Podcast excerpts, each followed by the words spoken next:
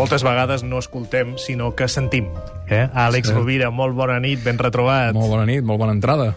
L'art de saber escoltar, diu en Francesc Torralba. Sí, quin gran llibre, eh, d'en Francesc. En Francesc escriu grans llibres i aquest és preciós. I molt necessari. L'art de saber escoltar, no? Sí. I moltes vegades, senzillament, sentim de fons una veu, sentim comentaris, però no escoltem, no?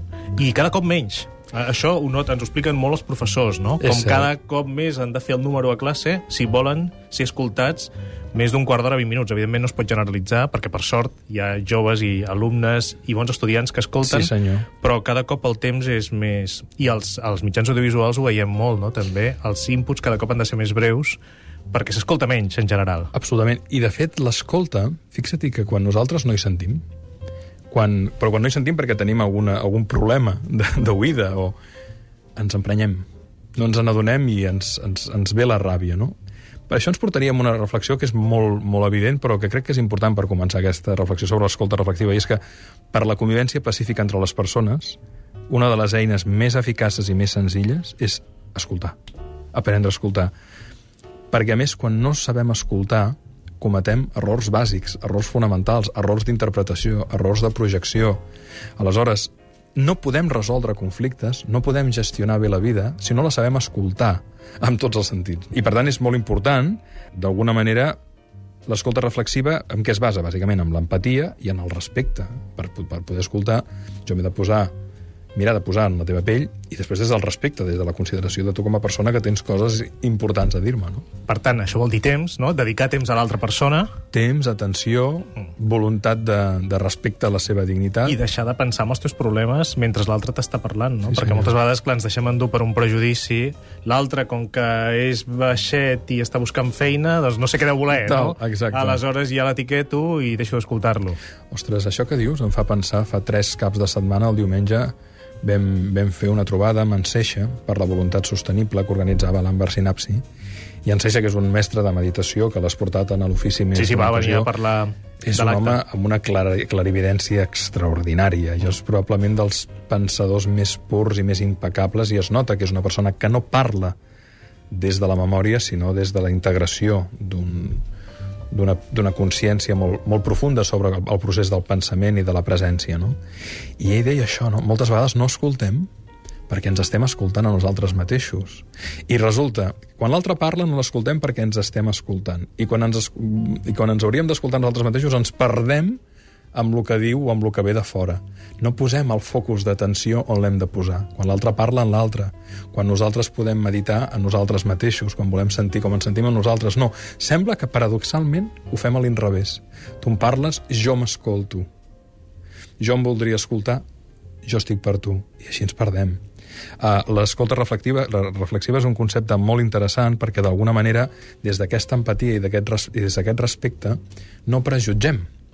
Aleshores, eh, escoltem a l'altre des d'una postura, com et diria, conciliatòria. Si entenc bé, m'estàs dient això. Sembla, amb els nens és molt interessant. Quan estan emprenyats, una manera de desactivar l'emprenyament és, senzillament, provin-ho, sembla ser que estàs enfadat, oi? de debò? Sí, estic enfadat. Sembla ser que estàs molt enfadat. Llavors comencen a parlar i, es, i, i van traient l'emoció, no? L'escolta reflexiva, és- reflexiva és això. En aquest cas seria una intervenció reflexiva, no? Però a partir de constatar una evidència, i amb els adults també funciona, eh?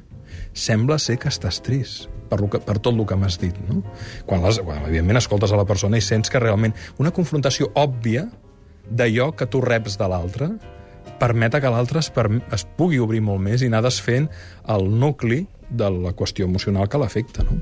I recordar que l'atenció plena, de la qual també hem parlat en aquest programa i n'ha parlat força sovint l'Àlex Rovira, es pot aplicar ara mateix escoltant l'interlocutor. En el moment, de fet, que l'oient està escoltant atentament aquest programa, ja està practicant aquesta escolta Saps reflexiva. què és fascinant? Que és que sempre estem atents. El que no som conscients de que estem atents de que estem atents. Aquesta és la gran paradoxa. Nosaltres no podem no estar atents. Fixa't que ens perdem en els nostres pensaments, però hi ha una atenció inconscient. Ens perdem amb la música de fons, però hi ha una atenció inconscient. El que és interessant és dir, eh, que estic aquí. Qui és el que està aquí? I aquest és el que, és el que d'on neix realment l'escolta reflexiva a tots nivells, no? El, el, el, el, el ser que està present i des del qual es desplega des del nostre centre tota la vida, no?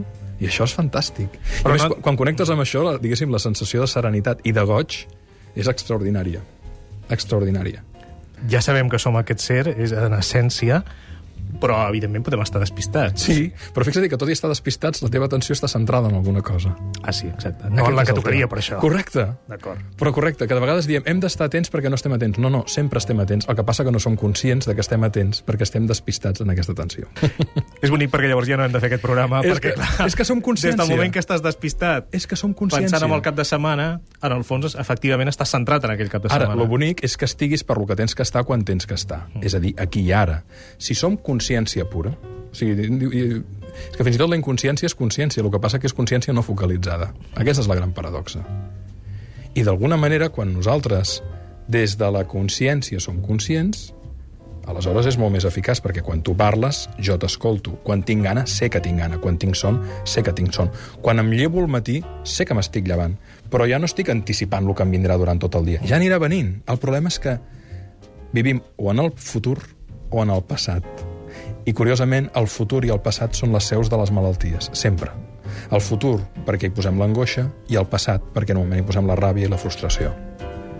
Si t'instal·les en aquest aquí i ara, en aquest moment, jo estic amb tu, xerrant, plàcidament, un divendres a la nit, tranquil, bonic, ostres, l'experiència és completa en si mateixa i la- l'alegria de poder estar, en aquest cas, amb l'amic, però, escolta, encara que sigui tallant-te les ungles, la consciència d'aquell moment, o bevent un got d'aigua fresca, o fins i tot tenint una discussió, una discussió amb algú, però des de la consciència, la plenitud que et genera això és infinitament més gran que si d'alguna manera estàs mig viu passant per la circumstància, no? És el bloc de notes de cada divendres a l'Ofici de Viure de l'Àlex Rovira. Recordo que teniu eh, totes les seccions que hem fet al llarg de tres temporades de l'Ofici de Viure a la vostra disposició a internet, a catradio.cat. Àlex, doncs moltes gràcies. A tu, com plaer. sempre, Gaspar. Fins divendres, Una bona abraçada nit, bon cap de Bona nit, setmana. bona nit. Els oients també, que tingueu molt bon cap de setmana. Fins dilluns.